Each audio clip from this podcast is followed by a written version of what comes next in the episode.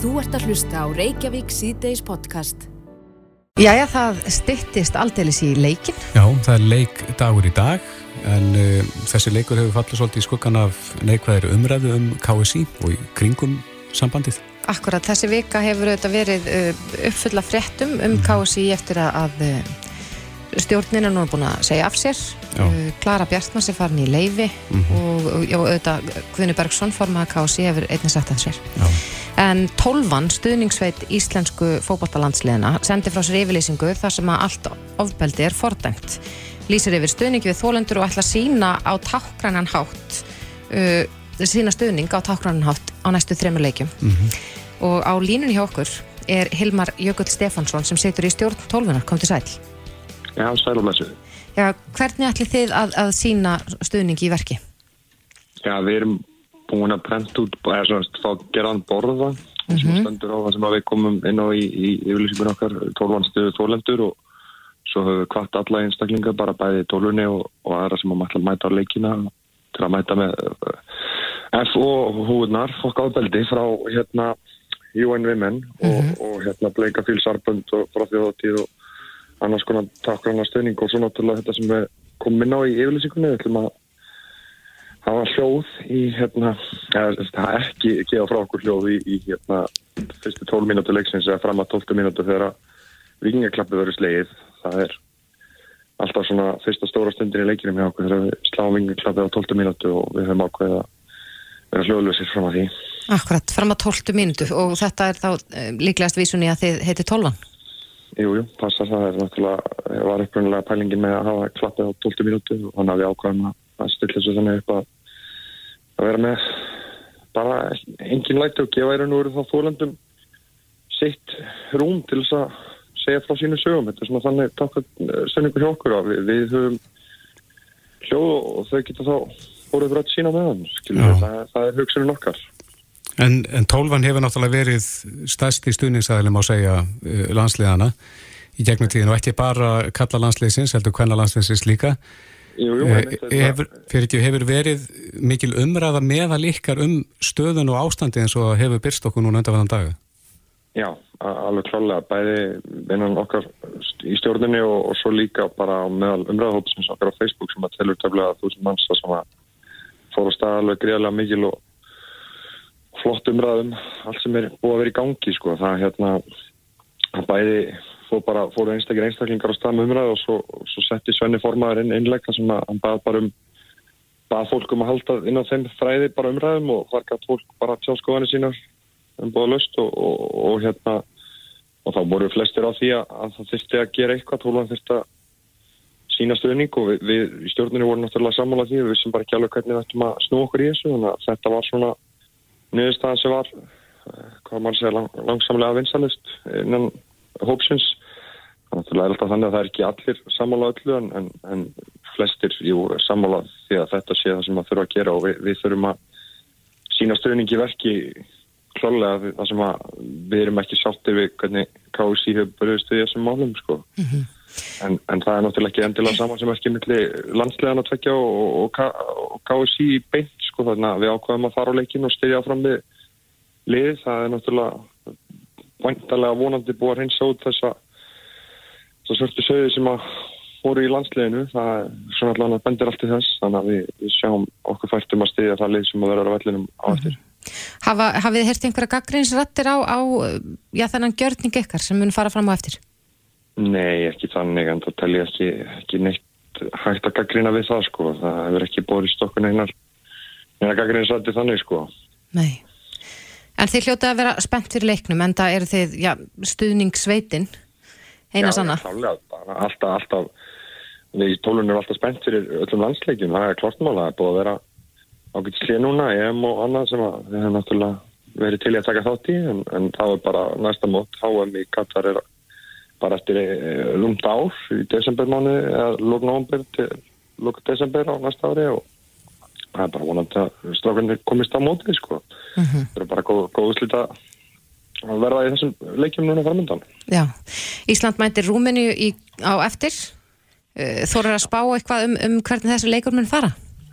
Já, ég veit þess að það er ekkert hvernig byrjunarlega er en ég get alveg spá fyrir, ég, ég heldur vinna fennar leik 2-0 Já, að liði verði bara upp á tíu í þessum leik, menn stýju upp Já. og... Já, Það er svona einhvern veginn, uh, Kristóður, þannig að uh, maður sá það sérstaklega móti ungurum að það var svona svolítið spennað í loftinu og menn alveg gerði yfir sig þarna en núna held ég að spennan sig þannig að tengist ekki fókbóltanum og þar að leiðandi séu menn ekki að stressa kannski fyrir úslitum fókbóltans því að aðteglin er á annar staðar og ég held að þetta verður bara góð leikur í alla staði sko. En- einmitt, en þeir sem að eftir eru í, í liðinu, að þeir þurfa svo sannarlega á okkar stuðningi að halda.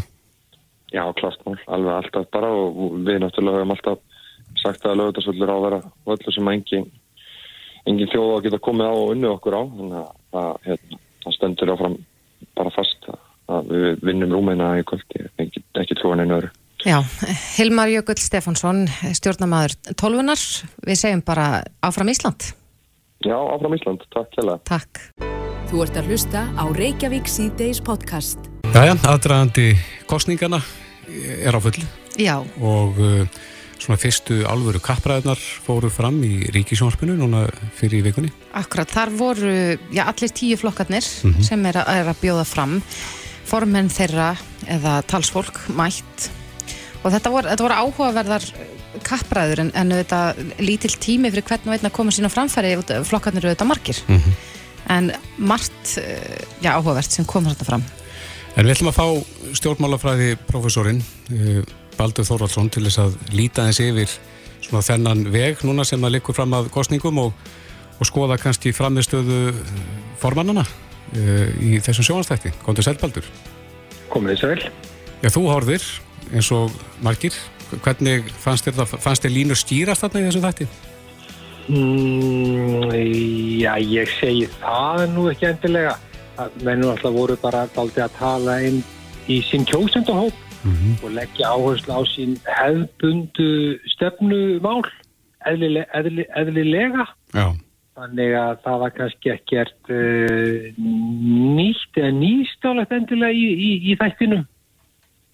Nei, en uh, já, þetta var uh, eins, eins og þú kannski komst inn á hérna, það voru að, að, að tala um sín helstu mál en, en það var aðteklisvært að sjá til dæmis að það var talað um óopimbert lindamál kostningana að, að uh, já, stjórnarflokkarnir væru búnir að- mynda með sér uh, svona bandalag, kostningabandalag heldur, heldur að þetta verði þannig að og sé satt að þeir séu búnir að því Það ágættu nefni það því að þetta var það er líka sem vakti mesta aðtilli mína í þættinum.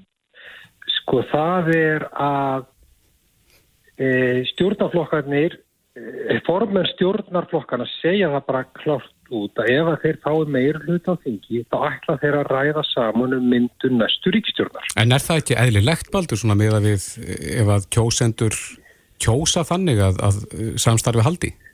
Jú, jú, al algjörlega, það er alls ekkit óæðilegt við það, en það að þessi raunni ólíku flokkar skuli gefa það út og þeirra var líka gefið mjög skýrt í, skín og raunni einbeilin sagt það, ekki bara formu flokkan heldur líka aðri ráþærar í ríkistjórnum, að þeir muni, muni raunni helst vilja vinna saman áfram. Og uh, þannig að eh, eins og ég hef sagt hjá okkur áður að ef að þessi flokkar ná meir hlut á þingi þá tel ég alla líkur á því að ríkistjórnin e, háti áfram. Og að, að þessu sögðu sko þá nefnilega farin að myndast það er mjög skýrt val sem kjósundur hafi þessum kostningum. Það er oft talað um að það sé ekki skýrt val í íslensku stjórnmálum um ríkistjórnir en núna er nefnilega vali mjög skýrt. Menn geta kosið núverði stjórnastefnu og það hefur verið að reyna að bóða bara óbreyta stjórnastefnu næstu fjögur ár næstu fjögur ár eða að minn kjósið á breyta stjórnastefnu og kjósið á stjórnar allstöðum. Þannig að kjósundur hafa mjög skýrt val um bara núverði stefnu eða nýja stefnu. Akkurat. En hvar greinir stjórnarflokkana helst á? Maður er svona farin að sjá svona ákveðna skurðpunta og, og menn eru nú fattir að tala svona í sitt hver áttina svolítið í, í heilbriðismálum. Já, það er helst eins og nefn, það er helst í helbriðismálum eh, en ég myndi nú gera ráð fyrir að niðurstaðan verði í rauninni bara eins og eftir síðustu stjórnarmyndun að eh, hver og eitt flokkur fáir náttúrulega bara ráða sínu ráðuneyti e, þannig að menn fá að reka sína stefnu í sínu ráðaneyti, það verði e, niðurst, niðurstafan og það kemur mér ekki óvart að það er ekki mikla hrókeringar á ráðaneytum og milli flokkana. Það gæti því svo orðið eitt og rétt, en ég er ekki þessum að það er verið mjög mikla. Þannig að ég myndi frekar uh, telja líklega að þetta yrði bara óskup og svipu um nótum eins og við erum í dag ef þessi flokkar fá umbáð til þess að mynda nýja ríkstjórn. Já, Bjarni Benditsson hefur nú verið frekar ómyrkur í máli varðandi sko byðlista og aðkomu engaðila að, að heilbreyðismálum hér á landi. Uh, heldur að þetta muni skipta máli þegar að já, þau fara mögulega að mynda ríkistjórn aftur eftir kostningar? Já, ég vissum að það mun verða einhver leiti tekist á um þetta í stjórnarmynduna viðröðum. Því auðvitað er þessi flokkar ekki eins. Þeir eru það langt í frá og auðvitað er heilmikið stefnumunur sjálfsögða milli e, Vafki og sjálfstæðarflokks. En auðvitað þurfum við alltaf að miðla málum þegar við mynda, mynda e, ríkistjórn. Ég bara, það er erfitt að meta hvort að vinsti græn alltaf gefa eitthvað eftir þegar kemur að helbriðismálum og fara í auknumæli blandarar leið og leifa engaðalum frekar að taka, að veita laknistjónustu heldur en orðið er þeir hafa ekki verið mjög viljuð til þessu, þessu kjörtjæðabili og ég sé ekkit endilega að þeir muni gefa það eftir í stjórnarmynduna viðræðum. En þetta er einn ástendika stefnin sem mun verða rætt augljóslega, já. Mm -hmm.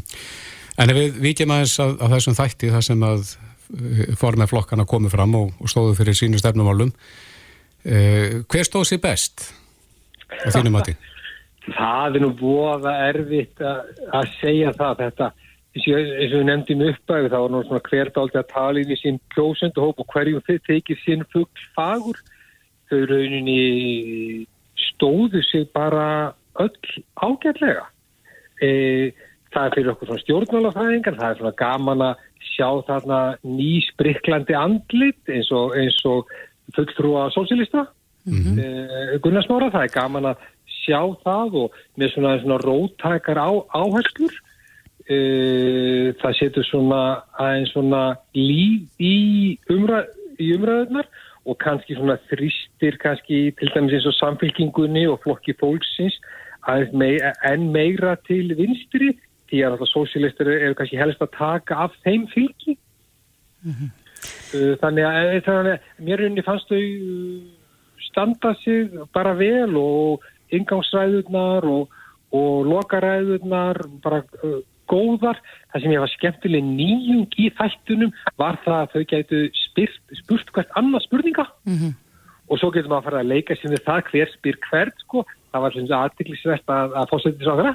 Skildi spurja Þorgjörg Katríni um hvort hún ætlaði að gera Evrópumálinn yngöngu í Evrópusambandið að hérna að fórsendu fyrir því að, að, að stjórna myndun mm -hmm. Og kannski aðeins að kanna grundvöldin fyrir myndun nýra stjórnar kannski var Kat, Katrin Jakobsdóttir komin þarna í ákveðin stjórnar myndun ef hún myndi missa meira hluta þessi ríkistöðu missi meira hlutan ef maður vill leika, vil leika sér með þetta. Þá má alveg velta því fyrir sér. Mm -hmm. spurðum... hvort, hvort, hvort, hvort það væri hljómgrunnur með, með Vafki og, og, og viðreist í, Ríkisvörn. Og ég held að er það erfiðara fyrir þau, það verður aldrei erfitt að mynda að ná málamiðlun í heilbreyðismálunum á milli viðreistnar og Vafki. Mm -hmm. Já, þau eru á, ekki alveg á sömu skoðan þar. All, langt, langt í frá og, og viðreistnir auðvitslega leggja meiri áherslu á aðkomi engaðila að heilbreyðiskerfinu heldur með sjálfstæðislokkurinn þannig að þetta verður alveg stór biti að kingja fyrir hvort sem er ef þið þurft að gera verðir. Þannig að þá, þá ég við vafki eða við reist. Mm -hmm.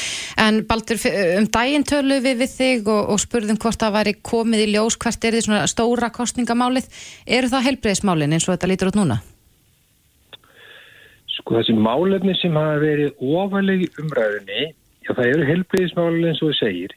Mér finnst líka málefni aldraða bera ofta að góma.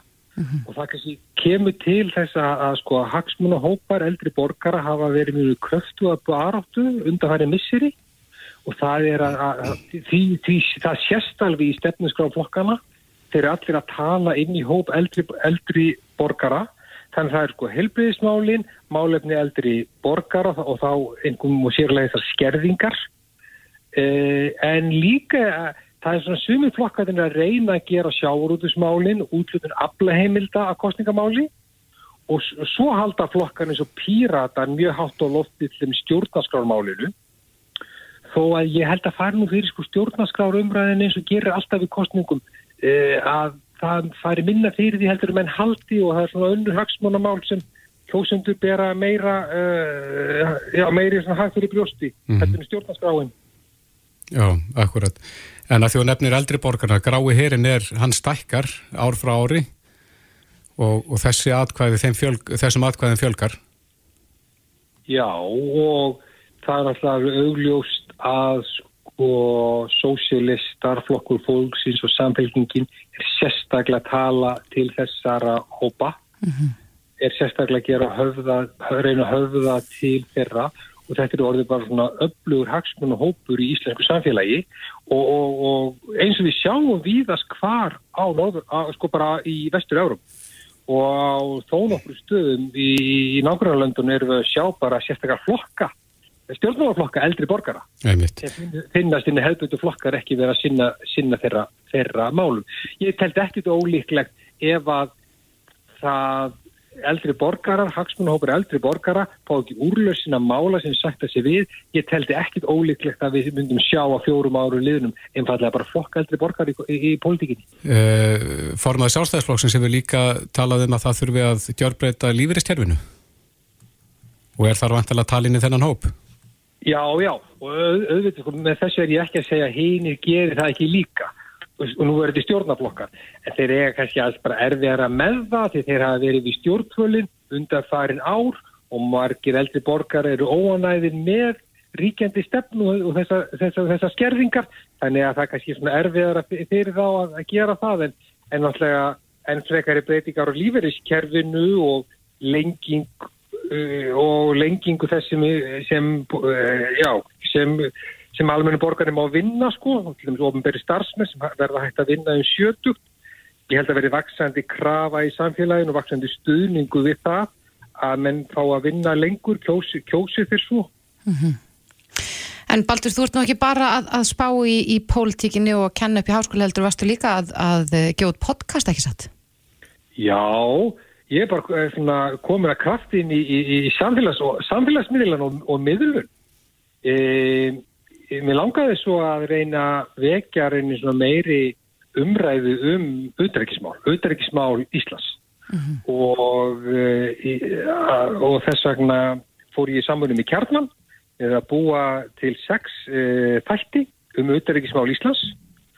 Og um, ég byggði þetta rauninni á eigin rannsóknum á auðvitaðryggismálum og samskiptum okkar við Landaríkin og Kína og Evrópu og, og Norður, Norðurlendin og svona stöð Íslands í smáríkis. Og ég, hvert þátt, þátt fæ ég til mér tvo uh, sérfráða einstaklinga til þess að ræða þessi mál, málum Já. og fyrsti þátturinn þeim mitt uh, fór í lofti í gær. Þar sem ég ræði við Karl Blöndal, aðstofari stjóra Morgunblassins og Silju Bára Ómursdóttur, prófistöru stjórnmálafræði við, við Háskóli Íslands.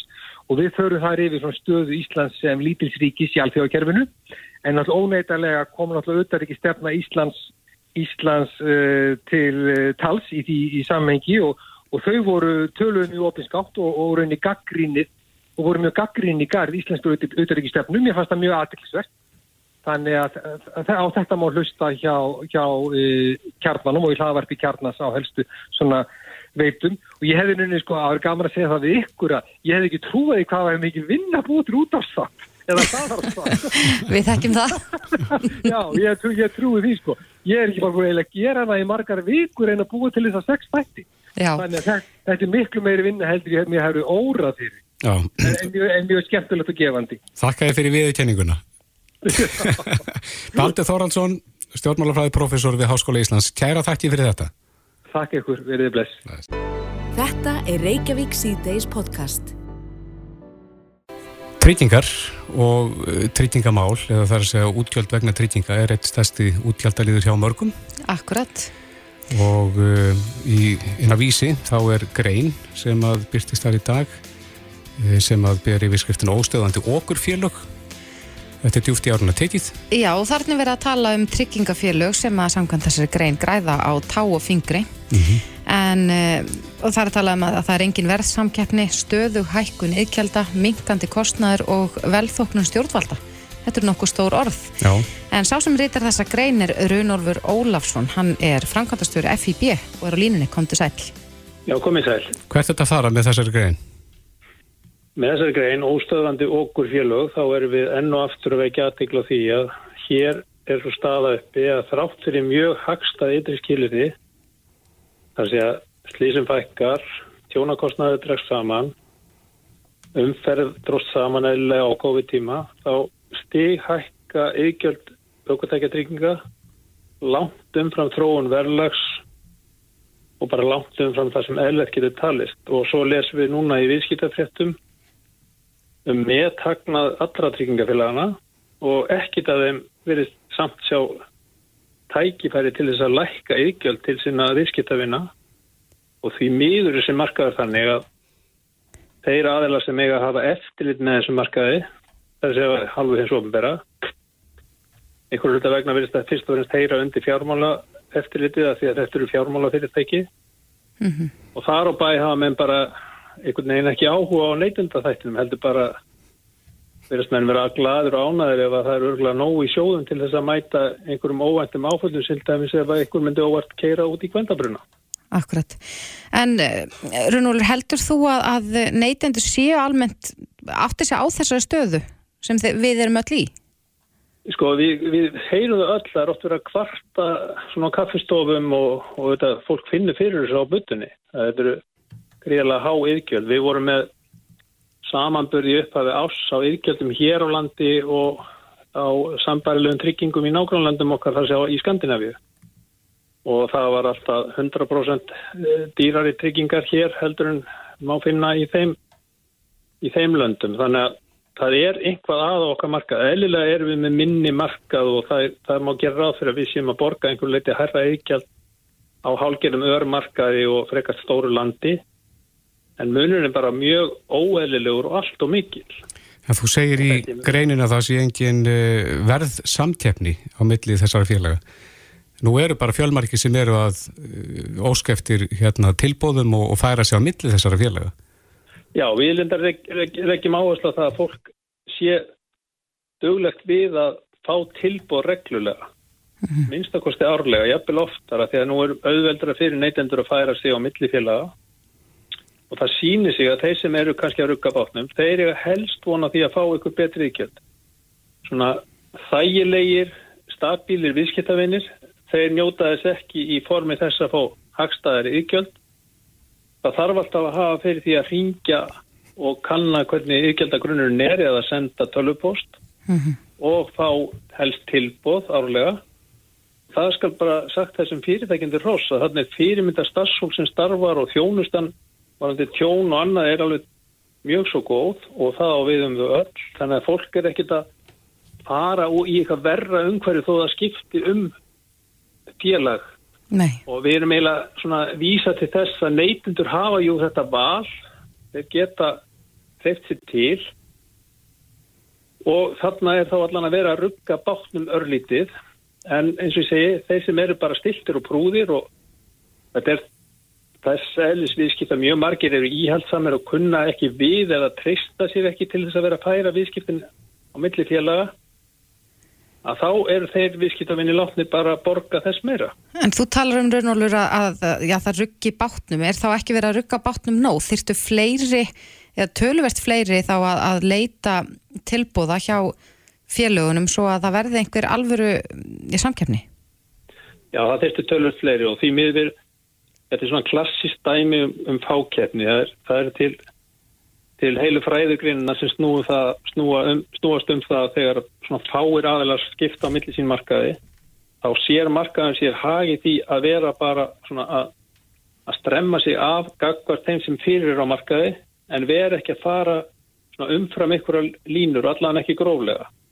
Þannig að mm -hmm. þá einhvern veginn helst þetta bara í svona, svona jafnbægi og, og allir græða þú ert ekki að óskætti því að reyna að ná stærri markarsluta eða stærri hlutakökunni.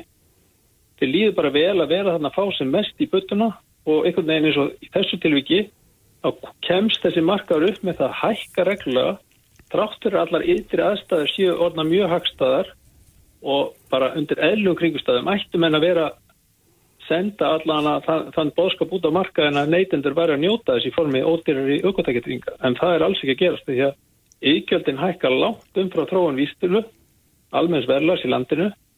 Þráttur þessi ytri hagstæðu þessi ytri, ytri, þessi ytri hagstæðu atrið sem ég var að nefna á þann svo sem við fækkum tjónur og framvegis. En þegar við skoðum sögu tryggingafélaga þá þegar þau voru sett á lækirnar á sínu tíma þau voru ekki ætlu sem gróðafyrirtæki? Nei, þetta, í, í sögun eru vátringafélag hugsu svona til þess að tryggja það að, að, að fólk verði ekki fyrir alvarlegum skakkaföllum. En auðvitað er þetta fyrirtæki á marka í dag og, og fyrirtækin eru rekin á, á þeim fórsendum að það sé verið að reyna, reyna að reka þau vel og, og tryggja hagna eigend og allt það. En það sem við erum fyrst og fremst að kvarti verið að það verið skorta markaslegt aðhald. Þannig að fyrirtækin bara sjá sér hagi því að því miður að taka ofur yfgjöld bara áfram tráttur í ytri hagstæði skiliri og þarna er einmitt eitthvað sem þarf að, eitthvað sem þarf að grípa inn í. Við hefum séð það að það hefur einhvern veginn ekki komin, komið upp svo stað að einhver hafi séð sér hagi að reyna að koma inn á markaðin á síðustu árum. Það er orðið ansið langt síðan að var nýtt tryggingafélag sett á lakirnar og einhverju hluta vegna eru líka svona ákveðin atri og það tengist meðal annars fyrir mörgum árum eða þetta er að vera 25 ár síðan FIB kom að að stofnun fé- fé- félags í kringum innkomu erlendra aðila á Lloydsmarkaðunum í Londonin á íslenska vátringamarkaðin. Vátringafélagunum tókst að hrista það af sér og einhverju hluta vegna er eins og þessi erlendu félög sem auðvitað líta okkur sem örmarkna- örmarkað að þau hafi einhvern veginn ekki já, eiginlega sporin hræða þar, menn er tellið þetta vera svona skrítin markað og, og að þarna hafi hérna verið brugðið því með einkennlegum hætti og tryggingafélagunum tókst svolítið að halda sínu viðskiptavinnu með meðal annars með því að segja ef þið farið með bílinn annað þá munum við hækka aðra tryggingur á okkur og svo framvegist. En þarna eins og segja neytendur hafa voðalega erfiða stöðu. Það eru fjögur félag á þessum markaði og þau eru upp á nákvæmlega sömu vöruna, nokkur þeim nákvæmlega sömu vöruna og, og hérna og verðin eru mjög sambærilega. Það, það er mjög lítið munur á millifélagana og eftir sem áður sjáum við líka það að öll er að hækka í jöfnum takti. Það er, ekki, það er ekki bara eitt sem er að taka sig út úr eða tvö, nei, þau eru fjögur. akkurat. En Raunólfur, hvað þyrfti að gerast að þínum að til þess að þetta breytis og sko til hagspóta fyrir alla neytendur? Sko, ég hefði talið eðlilegt að nú erum við að tala um sko vörur sem er svolítið ólík margrannar vörur sem við eigum viðskiptum með á markaði. Stór hluta þessum kostnaði eru lögbundin yðgjöld. Þannig að þetta, þetta heyrir undir einhvers konar eftirlit ofnbæra aðla. Þú mátt ekki aka bíl öðru svona að kaupa ábyrðatryggingu og slísatryggingu. Þannig að þetta er bara, það er skilda á bíljagandum að tryggja og að kaupa þessar tryggingar. Þess vegna væri þetta eðlilegt og þannig var það til, til skamstíma og til langstíma hér, hér áður fyrir árunum að ofinbæra eftirlitsaðilinn, hann átt að tryggja það að neytendur væri hún ekki að borga óeðlili ykjöld. Og það hefur einhvern veginn þróast í þá átt í setni tíð að fjármála eftirliti sem hefur undir Sælabankan, þeir telja einhvern veginn að þeir hafi ekki þetta hlutverk og það hefði verið sett inn í lögin á sín tíma. Þeir líta fyrst og fremst í þess að tryggja það að, að greiðsluhæfi félagana sé sem mest og best. En þetta, þetta neytenda eftirlit er í lamasessi og við höfum meðal annars óska eftir því við stjórnvöld, oftar en einu svona oftar en tvísara, einhvert, annað eftirlit, til dæmis eins og neytendastofa eða eitthvað slíkur, færi með þetta eftirlit. Það sé- ekki vera bjóða neytendum upp á ofur kosti valandi yðgjöld, að þetta eins og, sé, eins og ég legg ítrekka áslá, þetta eru, þetta eru skildutryggingar. Þú komist ekki undan þessu. Þannig að ef þú tryggir ekki bíliðin, þá er hann tekinn úr umferð. Einmitt. Rönnólfur Ólafsson, frangotastjóri félags íslenska bifræðeigenda. Kæra þætti fyrir þetta. Sumulegis takk. Reykjavík síðdeis á Bilginni podcast. Reykjavík síðdeis heldur áfram. Það hafa verið já, mörg mál sem hafa komið upp á undanförnu. Þar sem að- að já, fólk þarf að- svara fyrir gjörðir sínar eða, eða já, í raun og veru sína auðmygt og, og viðkjanna mistök hafi verið gerð Já. en það er ofbúslega mismunandi hvernig fólk bregst við í þessum aðstæðum Mhm. Og ég rakst hérna á, og þú vantilega líka, uh, grein sem að byrtist inn á vísi.is og það var fyrirsögnin sem að vakti aðtekli mína. Íslandsmetið í að skýta upp á bak. Já, þarna skrifar maður uh, sem eins og hann orðar það sjálfur að hann hafi sjálfur krækt sér í Íslandsmeti að skýta upp á bak árið 2016 þannig er hann að skrifa um svona viðbröð fólks og, og hversu mikilvægt það er að, að já, sína auðmygt til dæmis og þetta er hann Björn Steinbeck og hann er á línunni kom til sæl Hæ, hæ. Þú sást þig knúin til að skrifa þessa grein af, af hverju? Já, ég held bara svona að þegar maður hefur farið í gegnum hluti svo ég hef farið í gegnum bæði 2016 og síðan bara í gegnum lífið, hvernig ég lifa mínu lífi og, og svona haga mér og, og hvernig ég hef svona kannski borið á í ymsum málum þá finnst mér kannski rauninni bara mín skilda að svolítið svona deila með fólki kannski svona sjónamöður sem kannski mjög fáir þekkja. Og hérna og ég verði eiginlega alltaf jafn hissa þegar svona henni ymsu mál kom upp í samfélaginu það sem að fólk virðist alltaf að gera bara sömu mistökin aftur og aftur. Hvaða mistök er það? Eh, að vera ekki hluta lausninni, vera alltaf í rauninni bara vandamálið og einhvern veginn sjá ekki kannski sjóndeldarhingin uh, út af því að já, það er svona einblína kannski á sín eigin hagsmunni, einblína á þú veist, sí, sitt svona sjónamið að það vera að standa fyrir einhver gildið annað sem kannski er ekki lengur til staðar og þetta er bara svona, þetta er bara svona einhvern veginn að segja á því að vera ekki vandamáli sjálfur. Mm þú, þú tekur nokkur dæmi í greininni á Ísi. Getur aðeins farið yfir no- nokkur dæmi?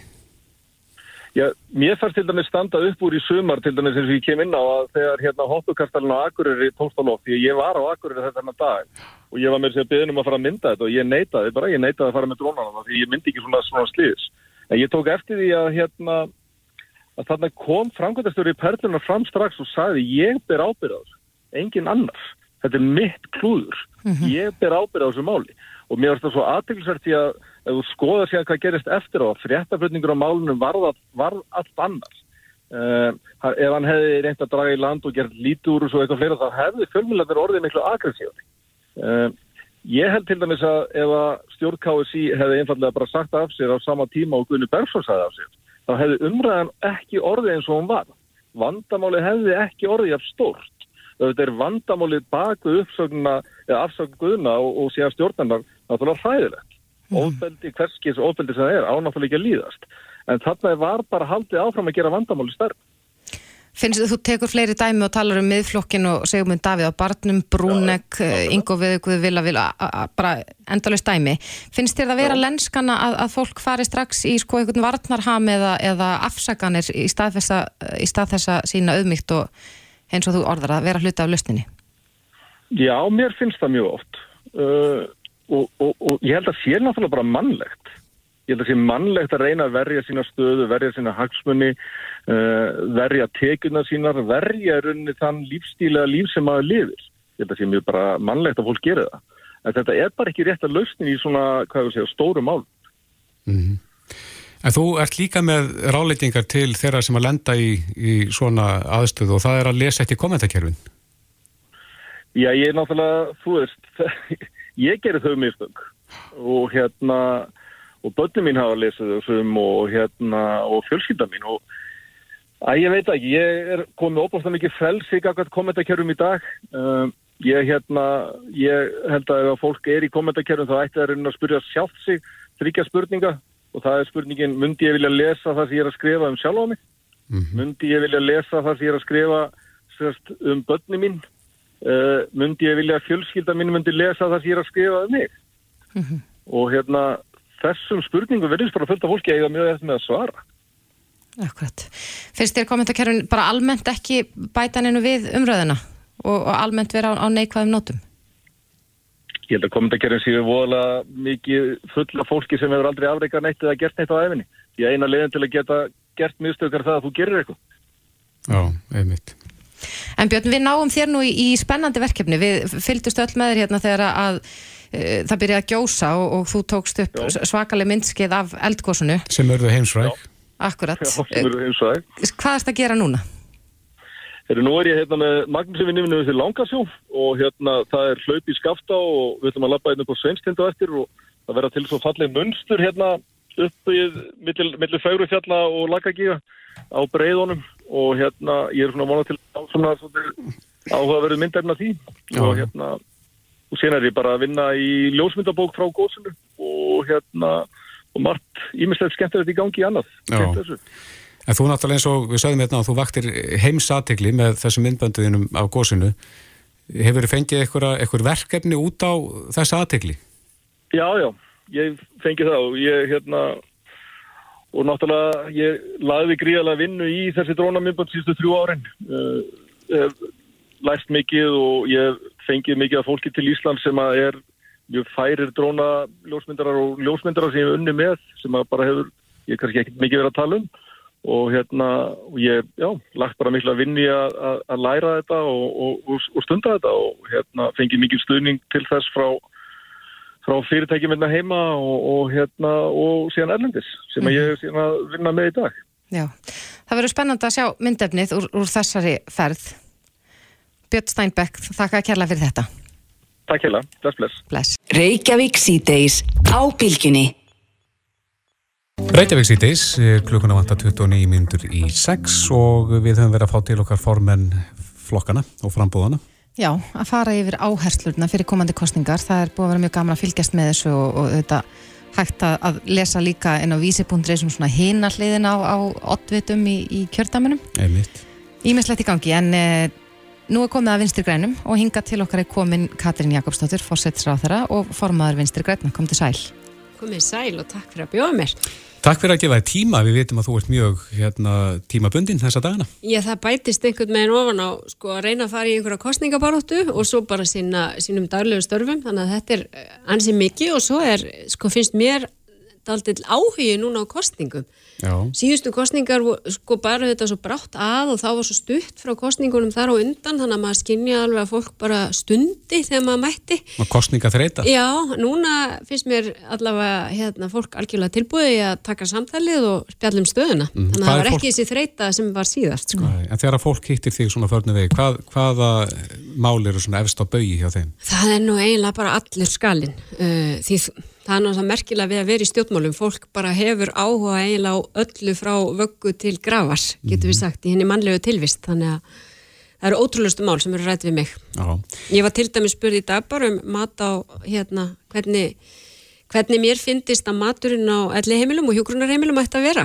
Og, og svarið hjá mér var reyndar að það væri besta að þau sem byggju á heimilinu fengi að ráða sem mestu um það hvað þau fengi að borða. Var þessi aðli sem að spurði þessari spurninga, var hann ósáttu þá við Já, hann var nú ekki, hann var nú ekki íbúi á hjógrunarheimili en Nei. hérna hafði áhugir af þessu. Þannig að mm. maður fær alveg ótrúlega fjölbreytta spurningar. Já. En segðu okkur náðins frá því, hvað er efsta bögi hjá vinstirgrænum núna fyrir þessar kostningar?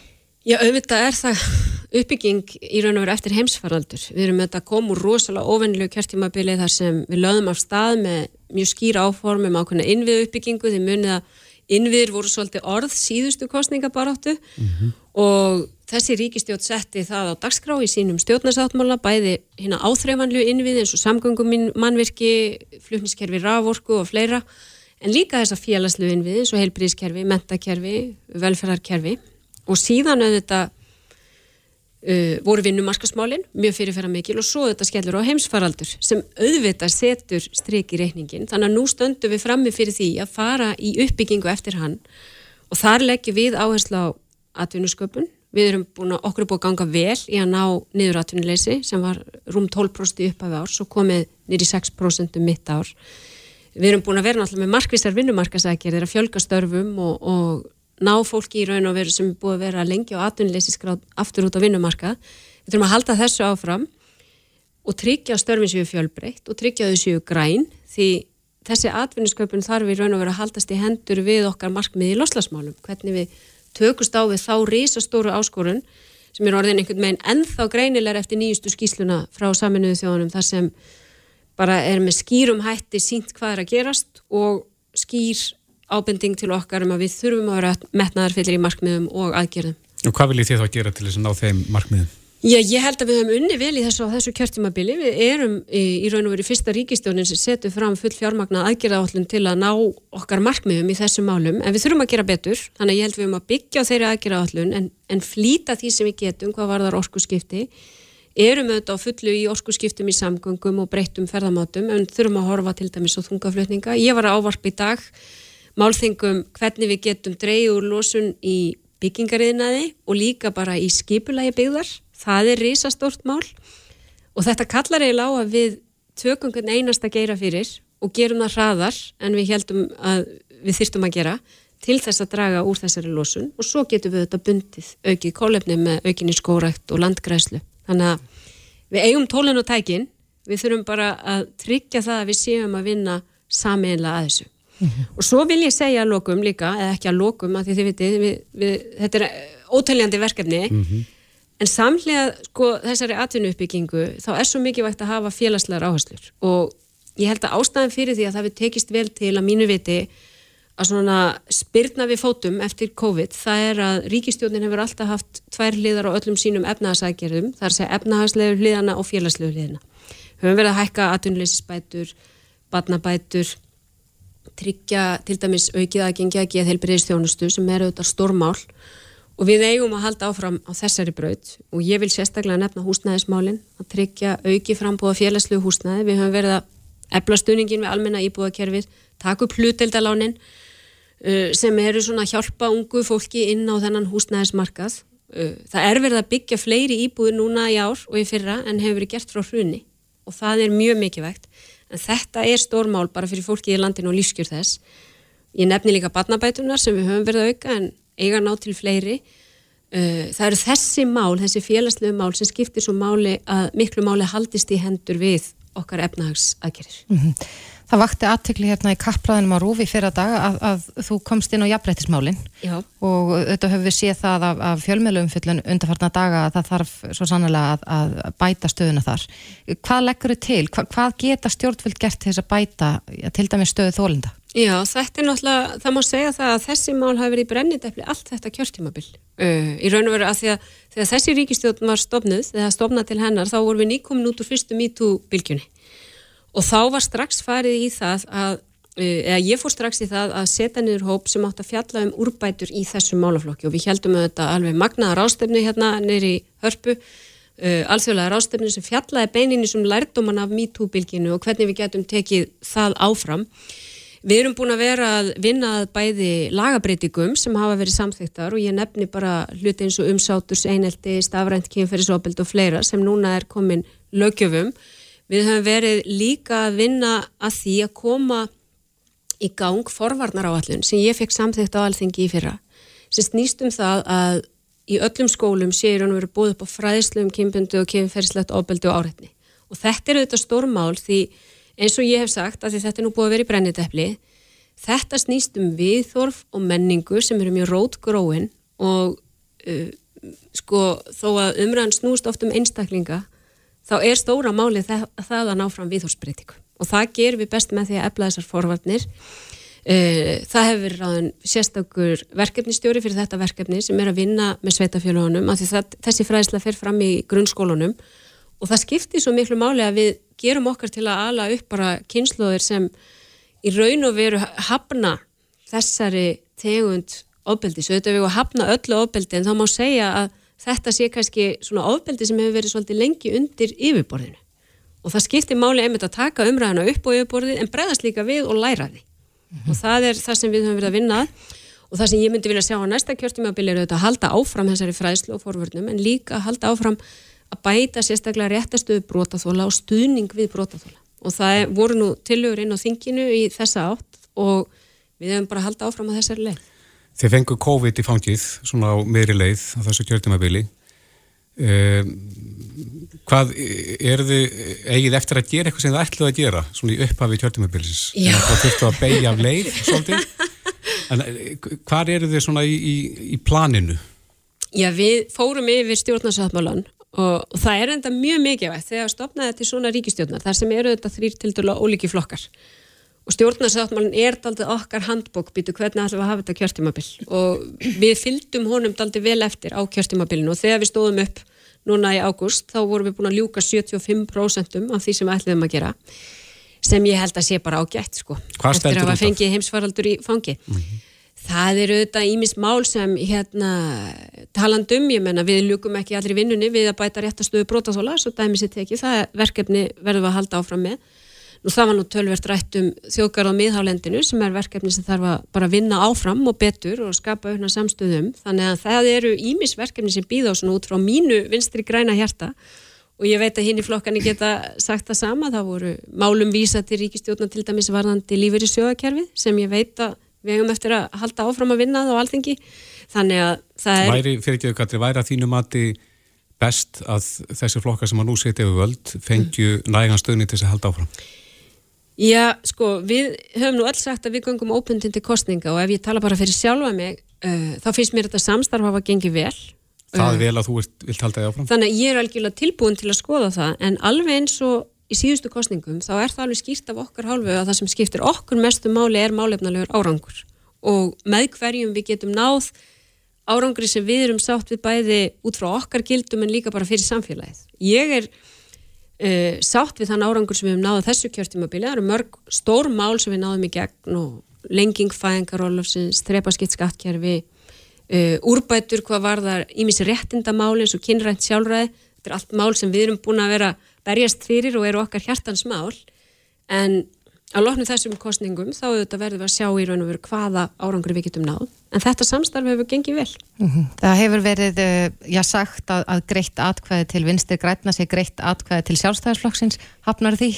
Já, auðvitað er það bara einhver della. Ég meina, þetta er bara svona hefbundin frasa, frasa politík sem við þekkjum auðvitað úr stjórnmálunum, en auðvitað er atkvæði greitt okkur bara atkvæði til að styrkja þessi vinstri grænu sjónamið inn á alþingi Íslendinga og vonandi í næstu ríkistjórn, því það er auðvitað það sem þetta snýst allt um. Þannig að ég segi þetta er atkvæði greitt okkur, er atkvæði greitt jafnrétti, umhverfisvend, uh, velsæld og, og félagslegu réttlæti. Já, höfum þetta bara loka orðin. Katrín Jakobsdóttir, fórsetur sér á þeirra og formaður vinstri grætna. Takk kærlega fyrir komuna. Kæra þakkir. Reykjavík síðdeis á Bilginni podcast. strætó. Það er nú alveg ljóst sér til framtíðalitið að í borgarsamfélaginu þá, þá rýður á að, að þessi samgöngumáti fái greiðari leiðir og, og það ekki síst í viðskiptum við, við viðskiptavinina sem að geta og eiga að geta komið inn í vagnin hvar og hvena sem er og geta notað kort eða hvað. Það eru breytingar sem standa fyrir dyrum núna Markus Viljánsson Söl og markastjóri Eh, er það ekki markmiði hjá okkur þar að gera þetta þjálla fyrir viðskiptavinnin að nota strætó Jú, algjörlega. Við viljum gera bara aðgengja strætó á öllum hliðum betri. Að, uh, að verða sér út um greiðslu miður til að geta greitt um borð í vagninum á að vera einfaldara. Uh, þá að vera sveigjanlegra fyrir fólk hvernig að kýsa að binda sig við ferðamátan. Um, stitta þörfina á því að þurfa, eða ætlar að fá sem bestu kjörin, að binda þig í tólmáni. Fólk verði svona frjálsara með hvernig það samtvinnar sína ferðamáta. hvar munið þið byrta þetta mér heyrist að þetta sé nokkuð afgerandi plan og, og, og, og viðtækt og nær til allra hvar getur, getur við flett þessu upp Sko, það er, þetta er vinna sem er búin að vera í gangi núna í tölverðan tíma og við erum svona núna að fara að byrja eh, prófanir á kerfinu viðtakari í raunum hverju. Þannig að núna á næstum misserum mun fólk kannski að fara að sjá um fleiri svona fréttatilkynningar um hvað er að ske, hvenar kerfið mun taka gildi, hvað þýðir að fyrir núna viðskiptavinni og hvað mun að þurfa að gera til þess að geta nota kerfið uh, í framtíðinni, uh, hvað breytingar verður fyrir þau. Uh, já, hann er að svona núna bara á næstu vikum fer fólk kannski að þetta verður meira ábyrgandi fólk hefur kannski séð þetta í vögnunum núna undanfarið, undanfarta mánuð þá hafa skannarnir verið uppi og svona. Það hefur verið svona í innanhúsprófunum aðalega. Eh, menn spyrja alltaf að því er þetta já, held gagvar þeim sem að vilja við hafa svindl Eh, er, er, er það í fyrsta lagi hægt þegar þú er komið með þetta nýja sístem eða eða e, og er það afdrifaríkt ef, að- ef að einhver freistast til þess að fara stýttri leðina Sko, kerfið bara þessu svo að það verður tölvört erfiðara fyrir fólk að svindla. Uh, uh, svona við sjáum voðalega fáa leiði fyrir fólk að gera þetta það sem að kerfið í raun byggir á bara rafrænum svona greiðslukerfið er rafrænt. Uh, þú þarf þá að koma þér inn í gagnagrunin hjá okkur til þess að svindlar að förum. Um, ef fólk verður staðið að því að svindla þá vonandi verður komið verður að komna núna á næstu uh, að búa samþykja hérna í lög þar sem að á eftir bara, í raun bara byrta sem gefur okkur leifi til í raun að setja á svona fargjalds hvað? Hvað segir það? Já, fargjalds álag mm. uh, sem er eins konar segt bara ef fólk svindlar mm. uh, þar er minnum með hámarki 30 krónur sem maður má sekta fyrir að svindla mm. uh, kerfið, já, það er þetta eru tölvara breytingar fyrir okkur einmitt, við stræt og tapar miklu út af svindli er áallega á hverju ári síðasta tala sem ég heyriði var svona áallega cirka 200 miljónur ári sem stræt ára að tapa út af svindli með fargjöld nú er þetta kerfið er þetta létt ef fólki með einbyrðið beitan brótavilja þá er, veist, það er verið að falsa miða það er verið að fara inn á, á þess að uh, borga. Og þetta verður erfiðara í nýju kerfi. Já, það er tilgangur helga meðali það, það er náttúrulega þegar maður í, í dag þarf að, rétta einhvern miða á önnum kafinn í andlindið á önnum kafnum bílstjóra að hann er kannski ekki færum til að gera þetta en þetta er rafrænt bara uh, kerfi sem kemur í veg fyrir svona auðvelda leið að svindlinu. Já, hann hlaði sér svona personulega auðkenning hjá uh, vakstjórunum hann þurfa að auðkenna öll fargjöld sjálfur fer úr hans höndum og bara í, í raun tölvun og hann sér bara á skjá hjá sér hvort að við komum til með gilt fargjald eða ekki mm. þá fær hann, ef hann steimpla sig inn með ógilt fargjald þá fær hann bara rauðan skjá og hérna í og hljóð sem gefur til kynna að þú sért ekki með gilt fargjald það fer ekkert millir mála Já, en eh, eitt, eh, Markus, svona stuttustopp í hérna aðstöðum strætó að, að eh, vonist þið til að, að og ég veit að, að strætusvagnarnir og strætó eru, eru vinsæli hjá ákveðnum, eru vinsælir hjá ákveðnum aldurshópum en, en gerir, með því að gera þetta þjálla og viðkunnalega verður þetta ekki vinsæla fyrir bræðið, meira notað það er allavega sem við vonumst til. Uh, verði þetta einfaldar það að nota strætó. Uh, það er bara markmiði í öllu sem við erum að gera. Það er að gera strætó fyrir alla. Uh, hvort sem þú þurfir meiri sveiginleika eða ekki fólk sem er að samnýta marga ferðamáta þá er allt þetta kerfi hjálpar til í öllu því. Markus Viljánsson, Markus Sölustjóri. Ég held að sé að gera gott nót. Takk fyrir þetta. Takk fyrir. Hlustaðu hvena sem er á Reykjavík C-Days podcast A while ago I heard the sound of children's laughter. Now it's quiet, so I guess they left the park. This wooden bench is getting harder by the hour. The sun is going down, it's getting dark. I realize I'm cold, the rain begins to pour as I watch the windows on the second floor. The lights are on it's time to go. It's time at last to let him know.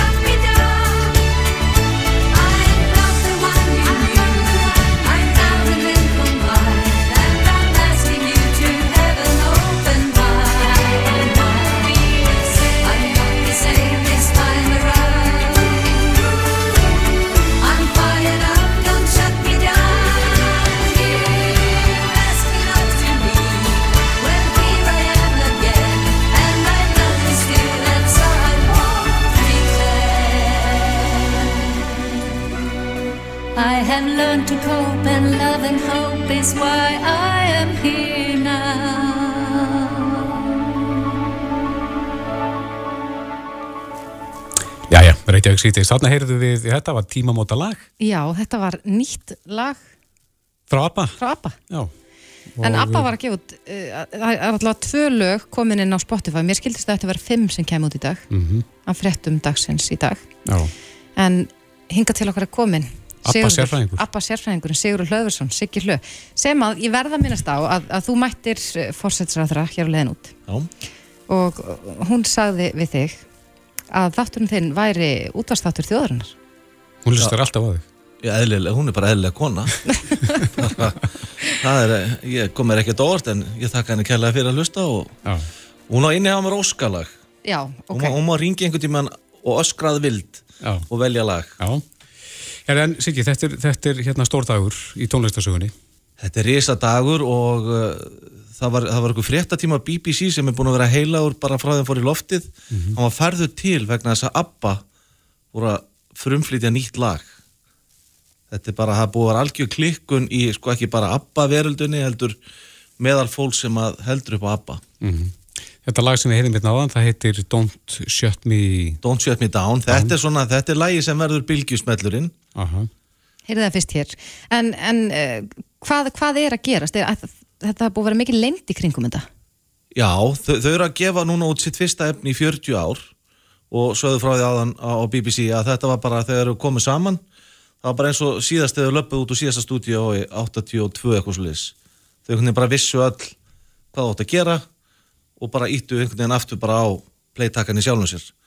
Og þau eru að gefa út plötuna Voyas, það er að koma tíu laga plata 15. november og þau eru að byrja með sjó næsta vor í sér smíðuðu smíðaðri tónleikahöll í London sem verður smíðuð, utan um þetta verkefni, eða byggð. Og þetta verður svona hologram heilmynd, þetta verður svona, svona myndbandslist, vídeo, kalla hologram. Mhm. þannig að þér finnst þú að vera að horfa á fólkið í þrývít á sviðinu en það er ekki þau sjálf að syngja. En það verður að fara að flytja lögin þeirra það verður tíu manna live band sem flytur lögin og þetta verður geð, geðveikt, segja þau. Og einn tæknimaður sem var að segja frá því áðan að þetta er ekki svona tölvu teikningar sem að þeir gera eftir eh, myndum. Þeir eru búin að, þeir eru búin að taka ABBA meðlimina og stúdira þau frá því voru ung og líka til dagsins í dag. Já, þannig að við sjáum þau á mörgum æfiskeiðum þannig í þessum í heilmyndum. heilmyndunum og, og, og sérstaklega núna á þeim aldrei sem þau eru í dag það er bara búið að mæla hvern einasta sentimetra á líkamannu þeirra Mhm. og þau eru búin að fara sjálf í svona maskinu sem er að skanna þau inn Þetta eru sem sagt þau sem að syngja þau þessari já, já. já, já, og það verður gamalt efni og nýtt efni á síningunum og það er, þú veist, það er allt í kringum þetta miðasala er að hefjast núna 7. september Mhm. það viltu vera fyrstur í rauðinu þá ertu að kaupa þér blötuna í forsölu þannig að það er allt að gerast í kringum þetta sjó sem er að byrja í London næsta vor. En uh, hvernig finnst þér þessi nýju lög? Það eru tvö komin á Spotify, ertu búin að hlusta á bæði? Ég er búin að hlusta á bæði, lægið sem að hljómar hérna undir rólega, er, er, er, það er svona það er svona típist abbalag, rólegt ballaða, það er lag sem ég þarf auðvitað að hlusta á svona tíu sinnum svona til að láta það synka inni eða svona, þú veist, einhvern veginn. Það er ekta, ekta abbalag en, en, en hitlaði er alveg ekta bara, þú hlustar á það bara, vá, þau eru komin. Bara eins og það aldrei farið. En tvö komin, er er von á fleirum í dag? Ég var nú ekki að sjá sömu fréttir og, og þið en þeir allavega að tala um það að sérst, platan er að fara í sölu og, og þeir töluðum að eitt lagið væri með jólathema væri svona jólalag.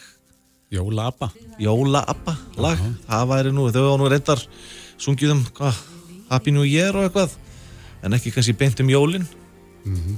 Þannig að það verður frólægt að heyra plötuna þegar hún kemur 15. november Ég láti, dásamlegt. þe láti þetta gott heita í dag, tvö lög og það er allt orðið brjálað Já, svo er bara að stjalla sér á þessa sýningu. Eh, Greinilega nýjasta tækni notuð þarna og... Já, já, ég En- veit, ég þekki eitt sem verður með hópferð Er það Siggi Hlöð? Það er Siggi Hlöð Dásanlegt. Ef að heyra þetta lagbræði eða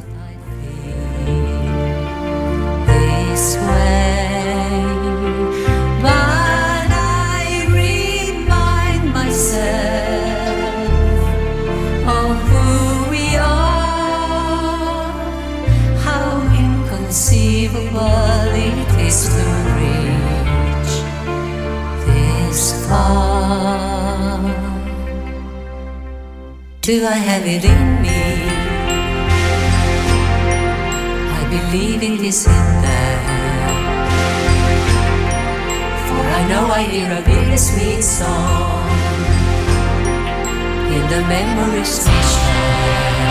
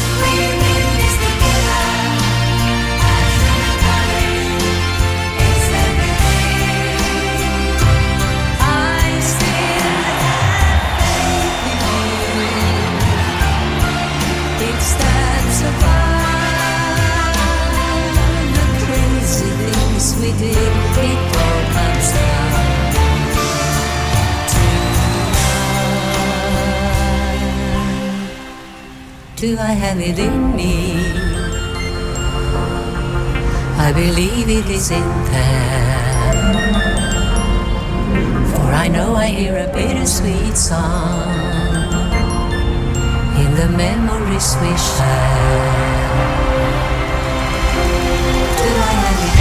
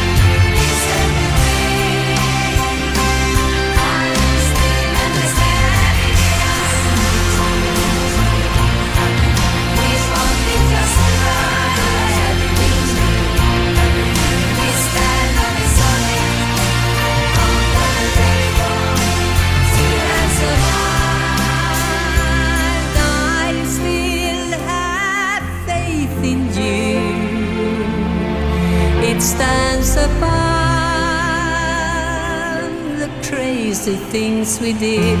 It all comes down to love.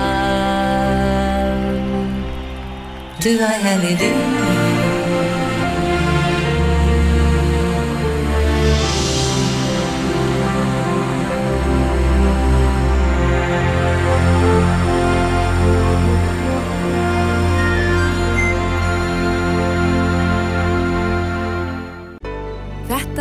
Reykjavík C-Days podcast.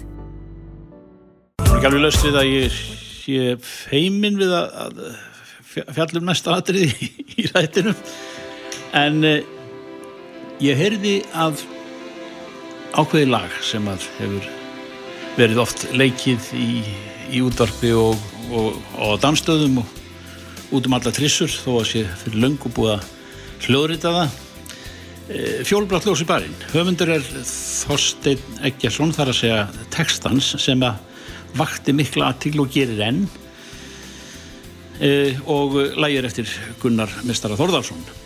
En nú vitum við og fréttum af því að, að textahöfundurinn sem að náttúrulega hefur, hefur orðið varfið þetta líka að lægið gengur í endur nýjan lífdag aftur og aftur og og vilist ekki láta á. Nú ert þú búin að mála mynd af fjólubláa ljósinu á barnum í fyrsta, í fyrsta lagi. Þú ert listmálari, ég veit það. Er þetta ákveðin bar sem þú ber niður eða mannst eftir eða og, og hvað, af hverju er þetta fjólubláa ljós þarna? Sko, ég gerði þessa mynd fyrir bróðursson minn sem var að gifta sig um daginn, Ingemundi Jónsson var að giftast Jófríði Leifstóttur, bara núna síðustu helgi og þá að því hann safna málverkum eftir mig þá dætt mér ég að gefa hann þetta í brúkustjó hugmyndin að þessum texta er aftur á móti frá því ég var að syngja í Þórskafi 18 ára gammal að 1960 þá voru komið svona sérstök ljós á vissast skemmtistæði. Þetta heitir á einsku blacklight ég held að það hef ekki komin eitt íslenskt orðið þetta en blacklight virkaði þannig að það var allir rosalega reynu skýrtum og ægilega solbrúnir þegar þetta ljós var sett upp þannig að þetta svona virkaði á þessa meðaldra kalla sem voru að leita sér á ungum stelpum sko að því þeir voru svo þeir lítið svo vel út. Já. Þannig að þú hefur fengið pluss frá þeim? Já sko, hugmyndin er líka svo að, að ég var að syngja með kákásæstuð og þetta var svona hálfpartin jazzljónsið með saxofónum og af verkinu eða læginu e, er saxofón þannig að þá eiginlega lága þetta svolítið við að, að reyfja þetta upp þetta fjólublóa ljós við barinn sem var það náttúrulega sko fleirin bara ljósið þetta er náttúrulega fólk líka mm.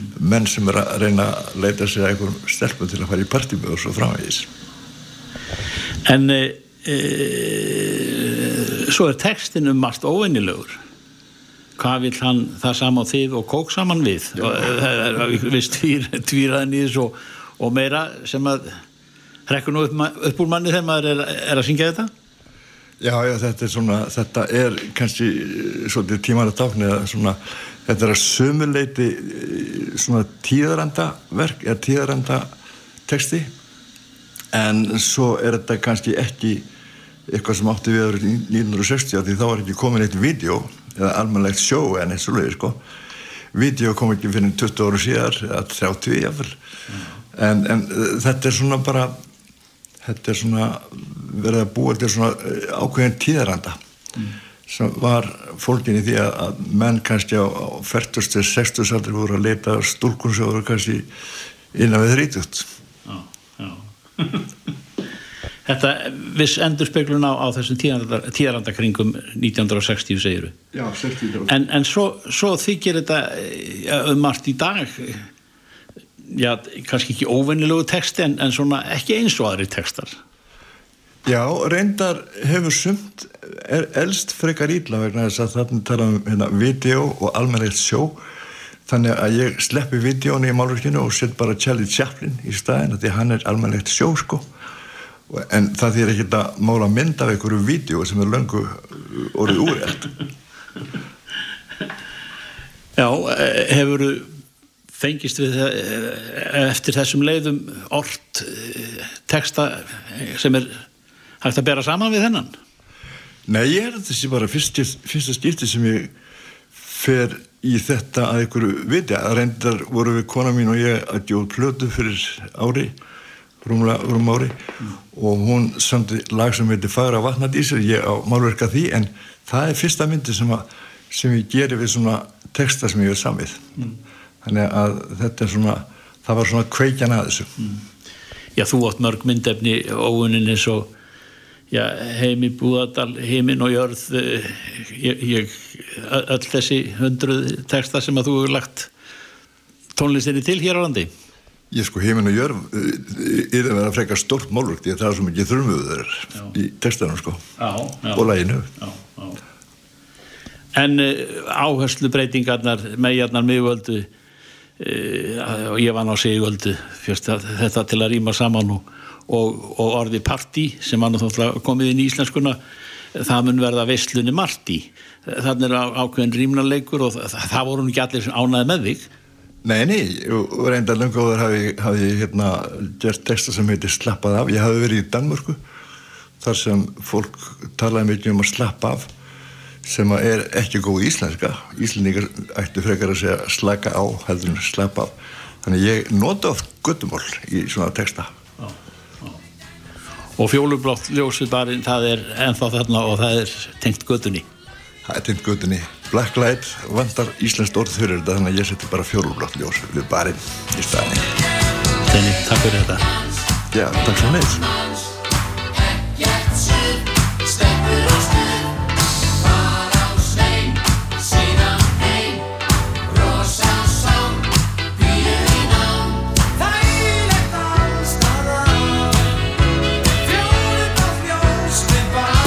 Vertu með í umræðinni Reykjavík síðdeis á bylgjunni. Bylgjan. Bylgjan. Reykjavík síðdeis á bylgjunni podcast.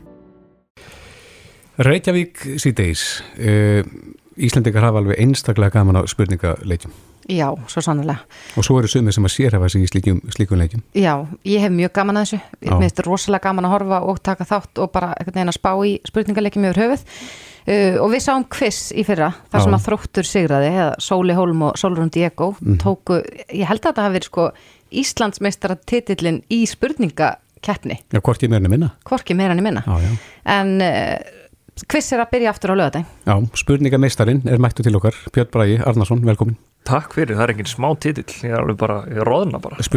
Já. Já, já, þú En bara... var þetta ekki rétt að, að, að þú vinnur Íslandsmeistara titil í Jú, við vildum kalla þetta hérna, Íslandsmóti í spurningakefni og einmitt að, að krýna Íslandsmeistara því að þetta eru svona félagsliðin sem er að keppa alltaf tveir í hverju liði og, hérna, og þetta er þessi íþróttafélög. Þannig að hérna, jú, við ákvæmum bara að smetla þessum titli Íslandsmeistari í spurningakefni og þróttarar unnu, unnu í fyrra. Mm, en hvernig gekk að manna liðin? Bara rosa vel, það var hérna mjög skemmtilegt, sko þetta er náttúrulega í fyrstu seríu þá var maður svolítið svona að kynna þetta, þetta konsept fyrir fólki að segja við sem að fara stað með þetta og hérna svona sirka hvernig það verði og hvort að fólk sé til í að koma og vera með og, Mhm. en núna voru allir búin að sjá þetta og, og hérna og fólk er mjög hérna, mikið til í að koma og keppa í þessu sko og hérna bæði náttúrulega bara fyrir íþróttafélagi sitt en, en svo líka kannski að því að það sér að, að þetta er ekki hérna, þú þarft ekki alveg að bara vita allt í heiminum eða hafa lesið allar fræðibækur til þess að vera með, þetta er svona kannski aðeins svona mannleira og aðgengilegra heldur Já. en margar aðrar spurningakefnir Eru það ekki skemmtilegustu spurningana líka? Mér finnst það algjörlega að, hérna, að allir getur verið með og líka sko maður hefur nú svona, þú veist, verið í spurningakefnum bara alveg alltaf og bara, þú veist, var í hérna, spurningakefni framhaldsskólana sjálfur þegar ég var í mentaskóla og svo leiðis en hérna en mér finnst skemmtilegast einmitt þegar spurningakefnir og svona pub quiz og þannig og eins og ég gerir spilið líka hérna, þetta sé þannig að það er ekki endilega svo sem er búin að lesa mest sem að kannski bara er alltaf að fara að vinna. Þetta er svolítið svona að vera að spurja út í bara dót sem er í kringum okkur í hverstasleikanum eitthvað á internetinu, pínu svona bleiku spurningarnir er trivial og, og svona þannig að allir getur verið með og líka allir aldursflokkar bæði yngri og eldri að svona, og, og eiginlega að, að það sé best að hafa svona sem ólíkustu karakterina saman, þú veist, þú veist kannski eitthvað um einhvern e- einn þátt og, og, og þú um eitthvað annað sko Já, akkurat. En þetta eru 16 lið sem er að keppa og, og þau voru kynnt inn á vísipunkturins dag, ég var að fara yfir þetta á hann og ég verð að segja, ég er mjög spennt að, að sjá til dæmis lið Áltanes þar sem að spákonan Sigga Kling og, og Kjartan allir okkar Já. eru saman í liði.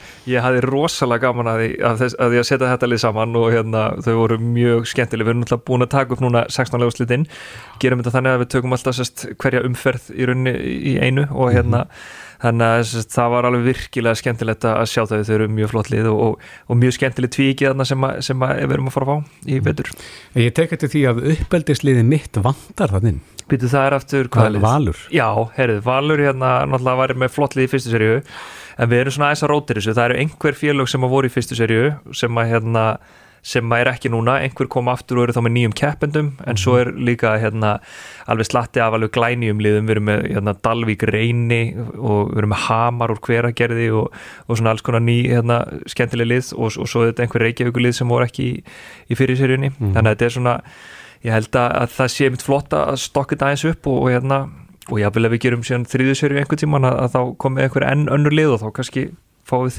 uppeldisliðið þitt aftur inn Já, og Selfoss líka kannski. Já, akkurat Kristófer er með kröfur. Panta. En er einhver endurkomulið? Er einhver sem við sáum í fyrstu séri að koma aftur? Já, við ákveðum að hafa þetta þannig að hérna, sérst að því að við vildum hafa þetta svona að langmestu leiti alveg nýtt en, en vildum hérna leifa áhörfundum og hérna að velja eitt lið sem að fengja að koma aftur og, og vorum með kostning og vísi.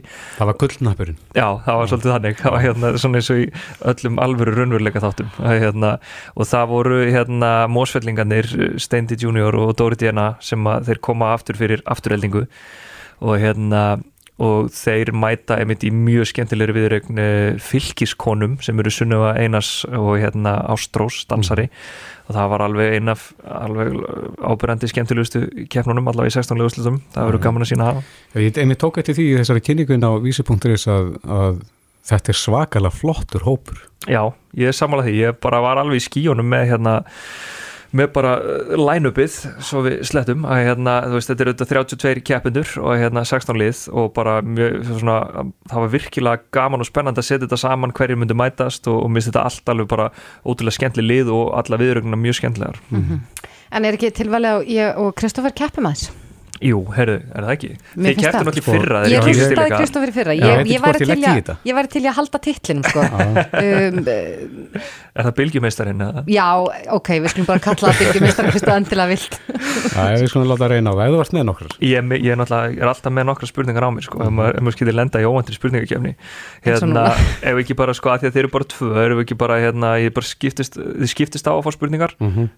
í bara Já, hún er sko yngri, miklu sneggri til. Já, já, er já. bara orðið setna hjá mér, Já. gamla, gamla vannunum Já. en þú býrð það meiri reynslu sko. Já, það er spurning hvort það er reynslan eða snerpan sem, að, sem að hefur betur núna Já, við skulum sjá Herðu, við sko, við ætlum að byrja á uh, þá Þórdísi Mhm.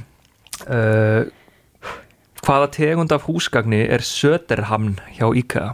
uh, Ég held að það sé Sofi Það er rétt, vel gert Ég hef ekki getað svarað þessu Ég held að að önnur hver manneski eigi þennan sofa já.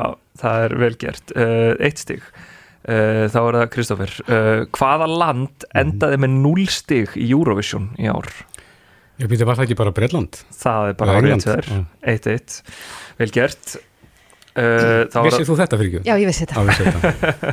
Auðvelt að segja það eftir á en, en jú Þá er það Þórdís uh, Til hvaða Evrópuborgar var fyrsta áætlunarflug Play Air? Það var til Kaupmannafnar Það er ránt! Var það London? Það var London. Já, ég ætlaði að svara London. Ég þú ekki færð aðra spurningu, það er ekkert svarréttin sem klist. Ok, eitt eitt ennþá. Já, uh, þá er það Kristoffer. Uh, Heiti hvaða grín tvíeigis og útvarstáttar getur líka átt við vöðva í upphandlegg? Tvíhöfði. Það er rétt. Þetta er náttúrulega ekki sangjant að spyrja Ketilbjörn kennaran út í svolega Allavega. Uh, það er 2-1 það er komið pressa á þig núna Þórdís. Uh, þú voru að svara næstu.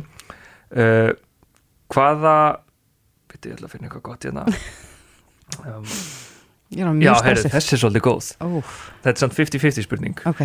hvort er búið að býta hægra eða vinstra megin úr eplinu í Apple logoinu oh, Má ég snúa síman mínum við að kíkja það? Nei. Nei, uh, hægra megin það er rétt yes. það er þá 2-2 er það ekki uh, jú. þannig að þú getur tryggt þér þetta núna Mhm. hvaða farartæki er Bjartmar Leósson þekktur fyrir að finna Reiðhjól. Það er rétt. Er þetta ekki reiðhjóla kvíslarinn? Jú, akkurat. Ég? Já. Bylgjumeistarinn. Það er Já, hjálakvist hérna Það var greinlega reynslan en ekki snerpan sem skipti máli í þessari viðregn Já, nákvæmlega, en þú náttúrulega vannst í fyrra Já, fylgir titilinn og hann færist á yfir núna. Já, Þetta er svolítið stórt. Já. Já, til hamingju, Við sjáumst bara eftir ár. Já, Ef- við hinum með varamót. Já. En við sjáum þig á lögadaginn Klukkan hvað er fyrstið þáttur? Herri, hann er bara að snemma í loftinu, það er beint eftir fréttir klukkan 18.55 þannig að Mhm. bara, maður vonur að öll fjölskyldan setjist saman og horfi á quiz, fyrsta Já, þáttin Við hlökkum til. Takk Björn. Bragi, Takk fyrir komuna. Takk. Það komið að lokum hjá okkur hér í Reykjavík síðdeis í dag. Já, fréttir hér á næsta leiti. Þórdís, Þorgir, Bragi og Kristófi þakka fyrir sig. Verðum hér aftur á ferðinni á morgun föstu dag klukkan fjögur. Verið sæl